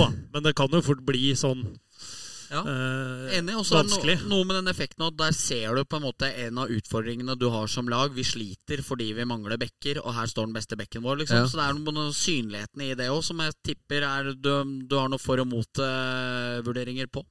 Ja. Ja. Skal vi sage litt? Eh, vi skal det. Eh, og du kan begynne med det også, du, Bendik. Ja. Eh, vi kommer ikke unna at eh, hockeysporten eh, dessverre har jo et og annet eh, problem hva angår disiplin på isen. Og nå var det han uh, buljongen på Hvita hesten. Eh, har du sett Ja, han som det- dytter dommeren? Hva var den het? Sverre skulle egentlig retweete den. Kasper Kasper Gilberg eller noe, tror jeg han het. Ja, det er jo helt Altså det, er, eh, det, er, altså, det er så langt unna Ja. det det er mulig å drive på med. Det er mulig. Det er, det er ikke til å tro. Suspendert et helt år. Får lov, å, får lov å spille i august igjen, til, eh, tror jeg. Får, får være med på, på preseason, men så skal han sone til jul. Eh, det kommer frem en video nå at den hadde blindside en som er helt utafor spillet for bare to-tre kamper siden. Og den nå er svinestygg. Den er så stygg aleine at den eh, nesten burde være ut året, bare det. Så dette er en eh, farlig hockeyspiller som eh, man er nødt til å passe seg for. Og ett års utestengelse, det, På sin plass. det er helt på sin plass. Og da bringer det meg også opp på Hasleløren, som nå fikk sin tredje karantene for en ny en krysstakling i hodet, var det vel nå mot Ski. Ja. Eh, drita dårlig til å spille hockey, det laget. Har han vunnet en match i det Nei, jeg veit ikke. Og Ikke? spiller stygt som bare juling, og suspendert i hytt og pine. Og vi har jo den skrekketaklinga oppe på Gjøvik der, på Pål Nyland. Og det virker jo som det er et eh, problem. Og hvis noen har nå har lyst til å si til meg, som tror at jeg representerer Storhamar, noe jeg absolutt ikke gjør, så har, vet jeg altså at Storhamar har tre karantener i år. At, eh, at Rønningen, Solheim og Salsten har eh, alle fått eh, karantener. Men det er en enorm forskjell på de situasjonene der og på det svineriet vi har sett fra Aslerøren denne høsten her. Så hvis de ikke kan spille hockey, så kan de i hvert fall ikke holde på sånn som de gjør, for det er, det er bare jævlig, jævlig flaut, liksom. Ja, det, så blir man jo litt overraska når du ser eh, Altså, den eh, nummer to-karantena like etter den Fjellhallen-situasjonen kommer. Og da var, vel, eh, da var det vel eh, vår gamle lagkamerat André Sørvik som, som er med i trenerteamet der, som også sier rett ut at eh, ja, nei, men den straffen er klink. Han er helt enig. Det er ikke så ofte du hører fra Nei, trenere enig. heller, da. Enig, og, og jeg skjønte også at de var også veldig klare på at det var helt uholdbart, både intervjuet eh, og taklinga som skjedde på Gjøvik òg. Og det er det som overrasker meg mest òg. At André og han hovedtreneren, jeg husker ikke farta han heter nå, er jo helt klare på at sånn vil vi ikke ha det. Og så fortsetter spillere å drive med det faenskapet der. Hadde det vært trenerstyrt, og, og liksom dem hadde drevet og sagt at nei, det er jo det er ikke noe problem, og sånne ting, så hadde det vært mye på en måte vanskeligere f- eh, eller av mye lettere å forstå hvorfor spillere driver med dette. her, Men jeg, jeg, fatter ikke hvorfor det er sånn. Og jeg syns det er bra at André eh, sier det. Og jeg hørte jo at det hadde vært litt oppvask etter den eh, første taklinga. For det der, det der må de få slutt på med én eneste gang. Så lederskapet får mye mer ros enn hva de spillere som holder på med tullet der, eh, gjør. altså. Ja, så er det jo synd, for altså Man kan jo spørre seg om det er en kulturgreie innad i, i troppen, men samtidig så er det jo ganske mange som ikke gjør disse tingene. Så det er veldig synd for de også, som er i haslet, som da antagelig ikke plasser kanskje i bedre førstedivisjonslag. eh, som er der for å utvikle seg, Ja. og som må være med på denne tralten da, som nå er i gang, Ja. med, med eh, utestengelse nummer tre allerede i november Ja. for grisetaklinger Krysstakling i mot, hodet. Mot hodet. Og det er liksom sånn det er, det, Man, man krysstakler jo ikke folk i hodet. Sånn, eh, det er, går jo en grense for, liksom. Eh, og, og jeg har jo selv, som deg, spilt et dritdårlig førstedivisjonslag, og det flaueste jeg visste, var jo når folk på laget vårt drev og spilte dritstygt i kamper vi tapte og sånne ting. Det er jo, det er jo bare pinlig. Ja. Så det er liksom det er det, til slutt det eneste du har å komme med. Liksom. Og hvis det er det, så drit heller i det. liksom Da får du heller fly på byen og slåss, eller eh, gjøre hva du Eller melde deg inn i en karateklubb, eller gjøre noe annet. Han treneren i Allsvenskan i fjor, han som eh, ble tatt på at han hadde sagt i timeouten at 'spela fult! Ja. 'spela fult!' Ja, Han skulle ha vært ferdig. Ja, enig. Ja, sånn kan vi ikke ha det. Så er det jo som du innleda med, da. Altså hockeyens renommé, ikke Ja. etatens. Nei. Eh, vi har jo problemet er at det dukker opp sånne ting hele tida. Om det ikke skjer her til lands, så har det skjedd et eller annet i NHL, eller har skjedd i SHL eller Allsvenskan, og så når det riksmedia. Mm. Fordi det bygger opp på fordomma til de som ikke kjenner hockeyen, og det gir klikk yep. for VG eller hvem det måtte være. Og så spilles det mye matcher, så det vil jo skje mye situasjoner, ikke sant? Og vi kommer jo aldri til å få bort alle situasjoner, men det er en god start hvis folk slutter å krysstakle i huet. Ja, det er, det er oppfordring fra hele puckpoden. Ja, sånn. Ikke krysstakle folk i hodet. Nei, ta det med deg. Eh, Andreas, det er din tur til å sage, og nå gleder vi oss. Ja. For uh, det er jo en uh, ganske Ganske stor profil som skal få det i Ja, dag. det er er det ikke det? Ja, altså, jeg hadde egentlig tenkt å gi den til ja, trøndersk hockey de siste ti årene, Ja, men Den er litt for generell, Ja, så jeg den er enig med deg. Legg den bort. ja, vi, vi legger den bort. Og så når jeg kom på den morgenstrengen i dag, så var jeg satt ut av PP. Så Så da må han dessverre gå til kort, altså, som, som satte meg ut. Det er Petter Thoresen. Ja, Ja. Nei, Jeg liksom må få den, faktisk. Ja. Og han vet jeg lytter av denne podkasten nå, for Ja. det sa han til meg senest i stad. Så har du noe mer grums du har lyst til å ta med? Nei, øh, vi kan ta det med det. Ja. Og så skal jeg gjøre alt jeg kan for å prøve å komme inn igjen. Ja.